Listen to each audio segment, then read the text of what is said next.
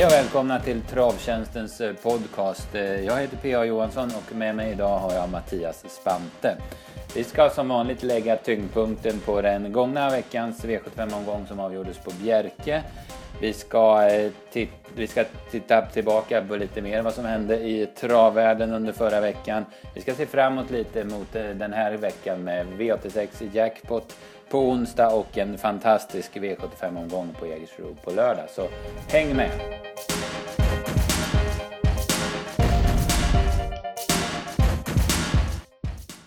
Ja Mattias, eh, V75 på Bjerke. Du gjorde våra tips och du var väldigt lyckosam med dem.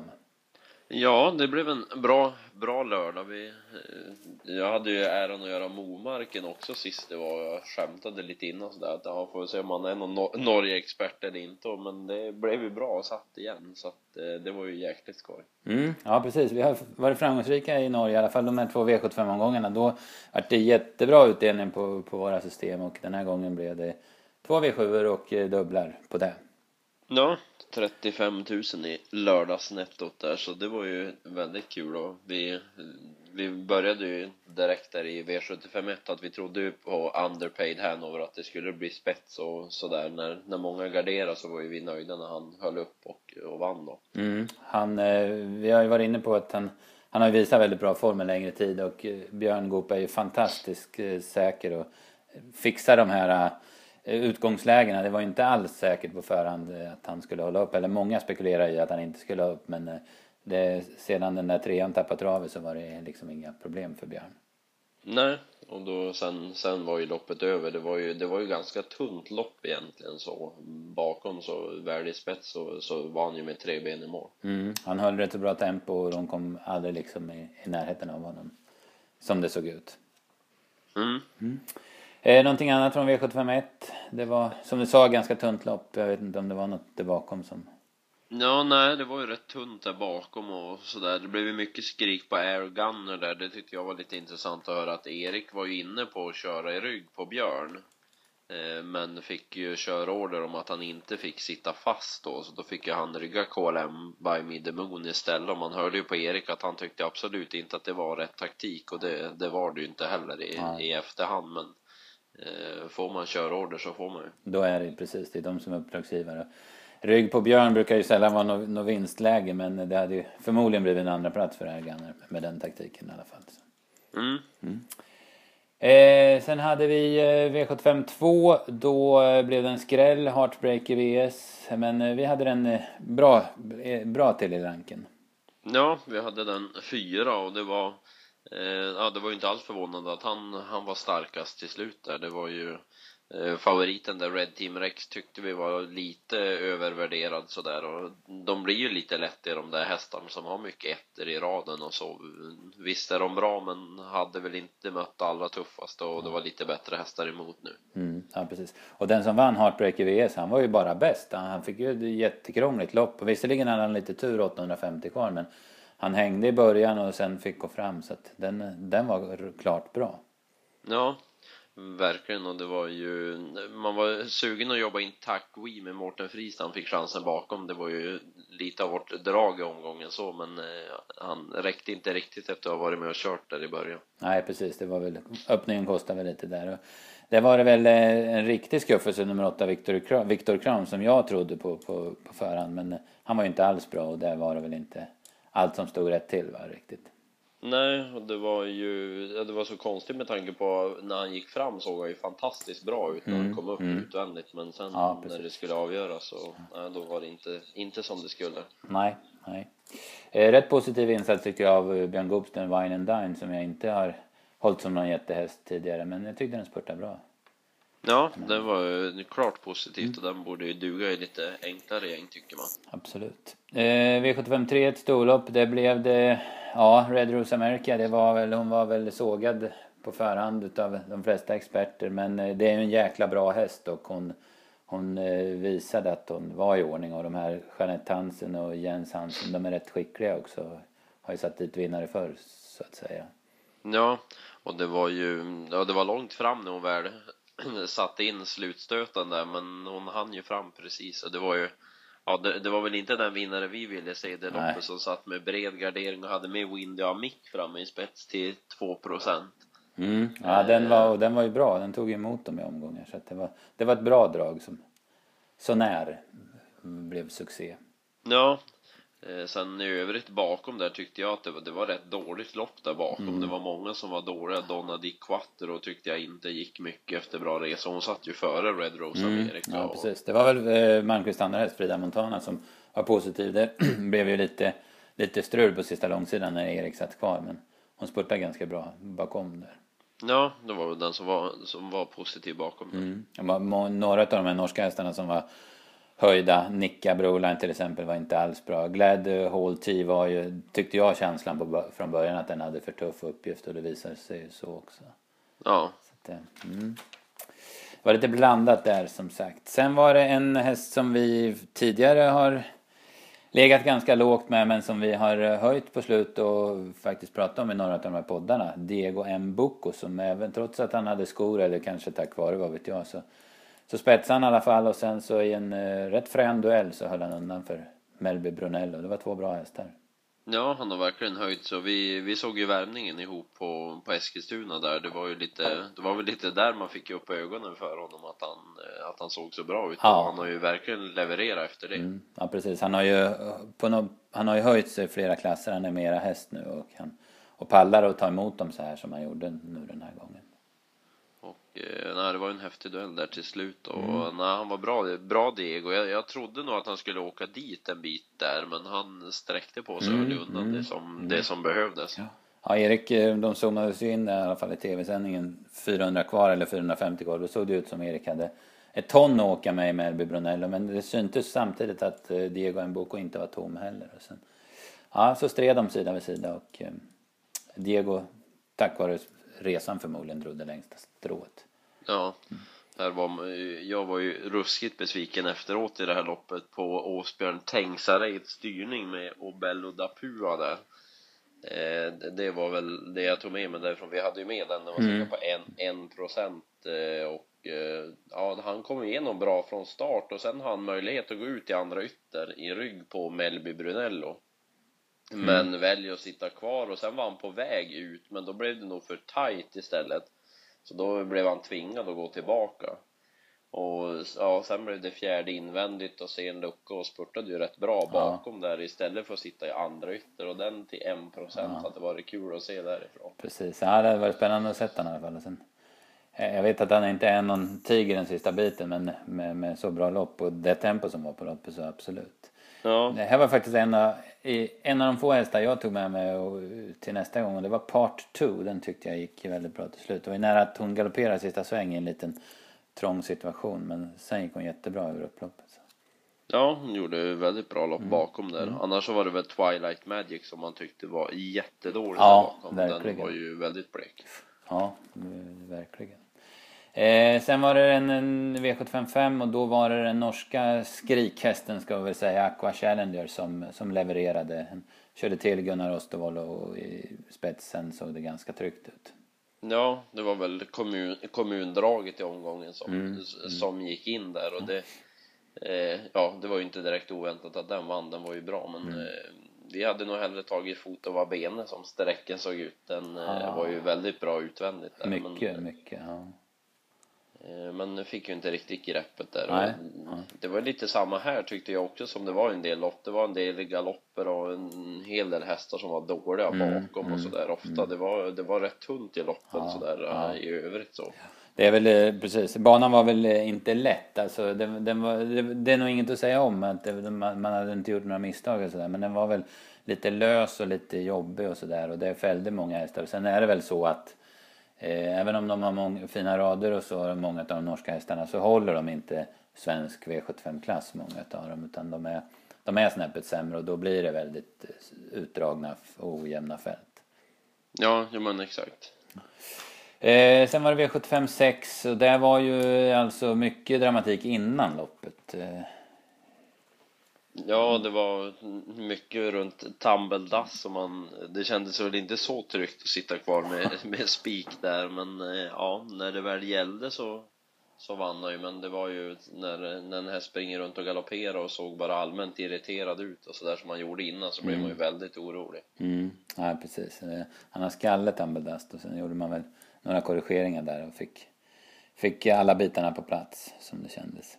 Ja, man längde väl käken där bland annat och så och sen eh, han var ju inte som, som bäst i loppet heller. Nej, han nej. sprang ju och bröt lite mer än, än vanligt och det var ju, ja det var ju absolut inga krafter kvar i mål utan Nej. det var ju verkligen max vad som, vad han kunde när dagen höll undan knappt men ja det räckte ju. Ja, precis. På, när de betalar ut pengarna då står det inte att han vann med ett nödrop. Utan, Nej precis, det nej, det var, väl, samma. ja, det var väl flyt att Västerbo Fantast gjorde bort sig som, som han såg ut. Men, eh, spännande var spel, vinnarspelet svängde där på alla rapporter måste man väl tro. Att eh, Västerbo Fantast blev jättefavorit och Tambedast ger nästan fyra gånger. Va? Det, Ja det var helt, lite, det är helt sjukt egentligen men, men så är det med informationen som kommer. Den bara flödar över spelarna och det är många som, som hakar på. Ja, ja där ser man ju verkligen hur mycket de här livesändningarna Mm, och ATG live påverkar mm, som Eh, För ja, det är 3,80 på tambellast innan det hade man ju tyckt var väldigt bra. Det hade varit bra ja precis. Eh, det var ju bra namn i det här loppet. Radicin America såg fin ut över mål. Eh, Tycon Conway Hall gjorde ett eh, jättebra lopp utvändigt ledande. Ja, den var väldigt positiv. Brukar ju egentligen vilja ha lite snälla resor normalt sett, men den var ju väldigt, väldigt bra den. Så att det var ju två av dem man tog med sig. Mm. Norska Papagayo E är också en bra häst. Den, den får nog norrmännen roligt med eh, nästa säsong. Han spurtar ju väldigt bra den också. Ja, går alltid till mål den och den, ja den blir kul att följa. Eh, sen skulle det avgöras hela eh, V75-omgången då, V75 7 och det hade ju du klart för dig. Det gäller nummer 11, Win Me Credit. Han fick ett väldigt bra lopp men han var ju ensam på fotot sen till slut också. Ja, han var bara bäst och det var ju, feelingen var ju att han hade sån, sån form hade varit så bra att han bara skulle runda dem trots, trots läget i en rätt tunn gulddivision. Men det var lite, lite speciell känsla i sista sväng. Så när Ty Broadway tar över så tycker man att den ser smått klar ut. Och Win Me Credit såg lite seg ut sen. Ty Broadway var inte ens bland de tre och Win Me Credit vann hur lätt som Ja, helst. ja. Det kan man väl säga överlag att det, det ser lite, det är lite svårt att bedöma hästarna under vägsgång med tanke på att de inte går med spö. Är de trötta eller är de bara oinspirerade? Och som du sa, han tappar en, nästan en och en halv längd där i sista sväng och ändå vinner så det är lätt. Så att jag har lite svårt att läsa loppen under, under vägen så att säga. Ja, jag håller med. Det är verkligen just det där, man, man är inte van att se dem på det sättet som, som de ser ut nu. Att, det- men eh, ja, Win Me Credit var ju väldigt, väldigt fin och den lär nog fortsätta vinna en hel del. Han ser ju riktigt, riktigt bra ut. Mm, ja, precis. Det, det är ju, han eh, gör ju rent hus i stort sett, Frode Hamre, i högsta klassen i Norge med alla sina fina jänkare som han kom med. Så, att, eh, så ja, Win med Credit är, är riktigt bra. Det bakom så, ja men Vakiras, vad säger man om den då? Han är ju, var en klass bronsdivisionshäst och sen spurtar som han gjorde i, jag spurtade in som tre och var, jag var på, på Romme i förra, förra lördagen, då vann ju Vakira där den, den kvällen. Det var inte riktigt samma klass på tävlingarna då som det var nu och så är han trea i guld veckan efter. Ja. ja, han är bra för klassen. Han, får ju, han, har ju lite, han är lite krånglig i sig så att det är inte alltid han får till det men han är, han är bra för klassen. Ja, eh, han blir ju spännande att se i sin ordinarie klass nästa start. Mm, borde ha poäng kanske så han kommer ut i V7 här någon, någon vinteromgång. Det är väl Bergsåker om ett par veckor kanske. Ja, precis. Jaha, eh, V75 på eh, Bjerke som sagt. Vi var ju lite kritiska när det var på Momarken. Det strulade med barfota info det var en massa annat. Och den här gången reagerar jag på, jag följde loppen innan också, alla omstarter när det är voltstart. Eh, Är det, beror det på att voltsystemet som för oss ser lite krångligt ut men kanske inte är det? Eller är det för att det är svenska kuskar med i norska voltstartsloppen som inte är så vana vid det? Ja, det är frågan vad som gör att det... eh, För det blir ju, ja det blir ju strul, blir det. Och det eh, känslan är att det rätt ofta blir omstart Ja, tycker jag. ja de, i alla fall det man följer. Nu följer man inte, i alla fall inte jag, norska lopp live så att säga på vardagarna. Men det är ju de här Momarken dagarna och sen det här nu att om det är det omstart då är det nästan legio att det, eller är det voltstart är det nästan legio att det blir omstart. eh, Både, både i det här kallblodsloppet som de kör på Momarken och sen där brukar de ha ett storlopp och det blir massor med omstarter tycker jag. Så att, Ja, mm. ja, det, men det kanske är, det kanske är det att det är en del svenska kuskar som inte är med. Man, tycker, man ser ju när det kommer franska kuskar till Sverige, de är inte helt hemma på det där med våran voltstart heller. Så att, nej, nej, det brukar ju vara så att det tar en liten eh, jag tycker man måste ge plus till startpersonalen där som eh, verkligen gick ut på banan Ja, både till Björn ja. Goop och Truls Andersen där och Ja. verkligen förklarade att ja, det ska vara så här istället. Ja, det, är, det är skönt att se. Det, då tar man sitt jobb på allvar. Eh, absolut. Vad i övrigt då? Eh, Funkar det bra med, med barfota info och sånt där? Ja, barfotainfon eh, tyckte jag verkade funka bitvis väldigt bra så där. Sen var det ju vissa hästar som, eh, som var anmälda med en balans och så var det ändrat sen att det var, Mm. det var liksom från skor till barfota och mycket sådär så frågan var ju Ja. om det var fel själva från, från Norge eller om det var så många som bytte fram och tillbaka Ja, ja, ja. eller vad som, för det var ju det som man tyckte var lite konstigt. Mm, mm. Nej, det är väl så att man får ta det lite för vad det är. Det är inte, inte riktigt samma informationsmöjligheter som, som en vanlig svensk omgång. Ja. Ja, eh, men amen. Bra omgång för vår del i alla fall var det. Och det är vi tacksamma för. Eh, I veckan som gick eh, så ehm, ja, var väl i lördags den här tävlingarna i USA med British Crown och Commander Crew som det var ju snackisen både före och efter kan man väl säga. Ja, det var ju det och Kulan fick eh, vinna där. Commander, det var ju väldigt bra hästar med och så, men han, eh, han satt ju tidigt i, i tät och sen, sen så reglerade han de övriga. Det kändes som att Örjan hade väldigt koll på grejerna Mm, in på upploppet där, men det var nog inte så mycket kvar som det, eh, som det först såg ut, men han Nej, höll ju undan. ja. Nej, han stred ju där. Han visade ju sin, sin skalle och sin fantastiska kapacitet den här hästen som, ja, som du säger ska sluta tävla nu och det är ju så där, så där bra hästar vill man ju verkligen att de ska vinna sista starten de gör så att de går av banan som, som vinnare. Ja, och det är väldigt, eh, väldigt speciellt sådär att man, ja, man unnar dem verkligen det. Mm, mm. Ja, en fantastisk häst, fantastisk karriär. Eh, det finns många lopp som man minns med, kom, från Commander Crew, men när han vann Hugo Åbergs där var det 2012. Det är väl bland den sjukaste prestation jag har sett på en svensk travbana. Alltså, jag vet, jag sa det efter loppet att nu behöver jag inte gå på trav mer för nu har jag sett, sett loppet så att säga. Ja, det var, jag gjorde premiär på Jägersro den, den kvällen Ja. och flög ner och det var, så det var första storloppet på, Ja. på Jägers och första besöket där och det var ju en rätt bra tillfälle att åka ner för ja, jag, håller, jag håller nog det som det bästa loppet jag har sett. Mm, mm, verkligen. Jaha, Micke J Andersson, en kille som jag följer nära eftersom han håller till på mina banor, vann sin 2000 seger igår på Färjestad och eh, jag gläds med Micke och jag kan väl säga som jag tycker att han har krigat sig till de här 2000 segrarna. Det känns inte som han har kört en enda riktigt bra häst under hela sin karriär. Ja, nej, han är ju en av dem som får köra det betydligt sämre materialet och eh, jag hörde inte riktigt eh, segerintervjun sedan, för han vann ju med Gosa Blue sedan sin 2001. Mm, mm. Eh, och då, eh, jag, jag hörde bara, delar av, av den, men jag undrar om han skämtade och sa att han nästan hade velat vinna sin 2000 med honom istället. För det var lite, ja, 75 gånger och en Ja. riktig slitare sådär. att eh, ja. han hade tyckt det hade varit lite mer speciellt. Ja, ja, men eh, med lite reservation för att han kanske inte sa så. Nej, nej, alltså, det är en häst som han har kört under hela karriären och som har varit ganska framgångsrik också. Och en Ja. sån, hä- sån häst som, som, som är lite signifikativ för Mickes framgångar det är en krigare i spets och det är väl kan man väl säga att är också är en väldigt vass startkusk och som gärna kör i ledningen och som håller igång hästarna på ett föredömligt sätt. Ja, precis. Mm. Ja, det är kul.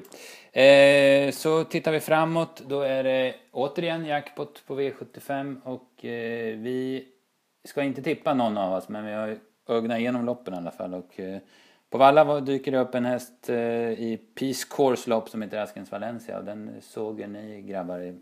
Den kvalade på Valla. Ja, hon kvalade ju på Valla. På 15 och 7 gick hon i, i kvalet. Och vi hade ju 12 sista 800 och det var ju väldigt bra intryck på, på Askens Valencia som vi skrev ut på vår, vår Twitter där på, på kvällen. Så att eh, hon känns ju väldigt spännande utan att kolla ja, mer vad hon mötte och så men bara att man såg henne i listorna gjorde att det blev genast intressant. Mm. Nej, det håller väl, det är lite stor elitklass på loppet med Jur Heines och Fleetfoot Hanover i alla fall. Men hon har bra spår och hon är spännande i alla fall. Sen har vi ett eh, långlopp som också körs på Solvalla. Det är, eh, eh nu ska vi se, det var Linus Vibb som står där framme och så var det Melby Viking. Eh, från dubbla tillägg på Linus så det blir lite revanschmöte mot fyra kilometer.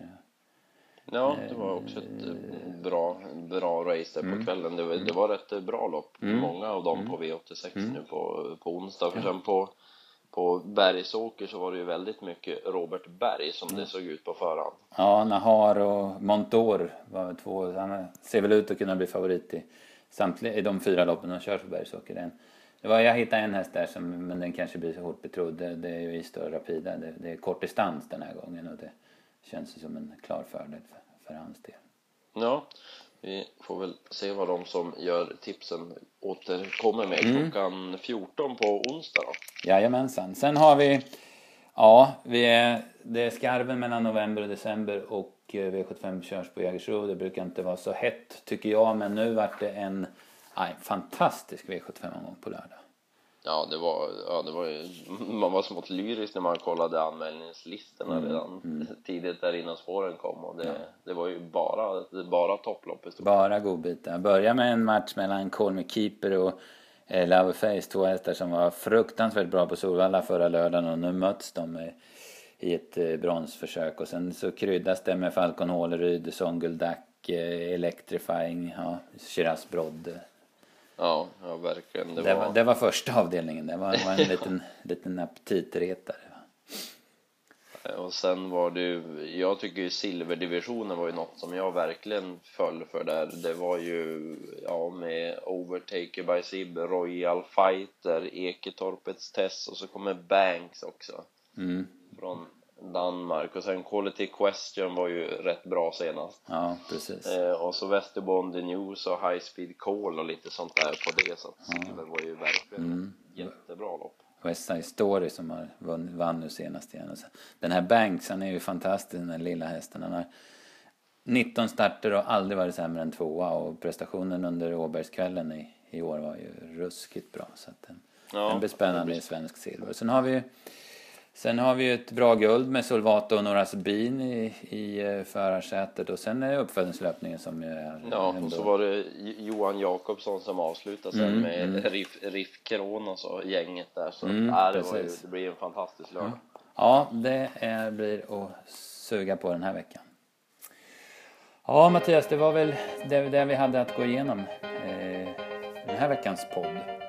Ja, det var det. Så laddar vi vidare nu för en ny, ny vecka här. Ny vecka, ja precis. Så vi börjar snart om ett par timmar med V4 på Axevalla. Det blir första spelstoppet den här veckan. Sen kör vi på som vanligt. V75 ska vi säga, det, de tipsen släpper vi som vanligt på fredag klockan 15. Så att, eh, vi får hålla oss tills dess innan vi vet, innan vi vet svaren. Precis. Mm. Bra, tack för idag. Tack själv. Mm, tack alla som har lyssnat.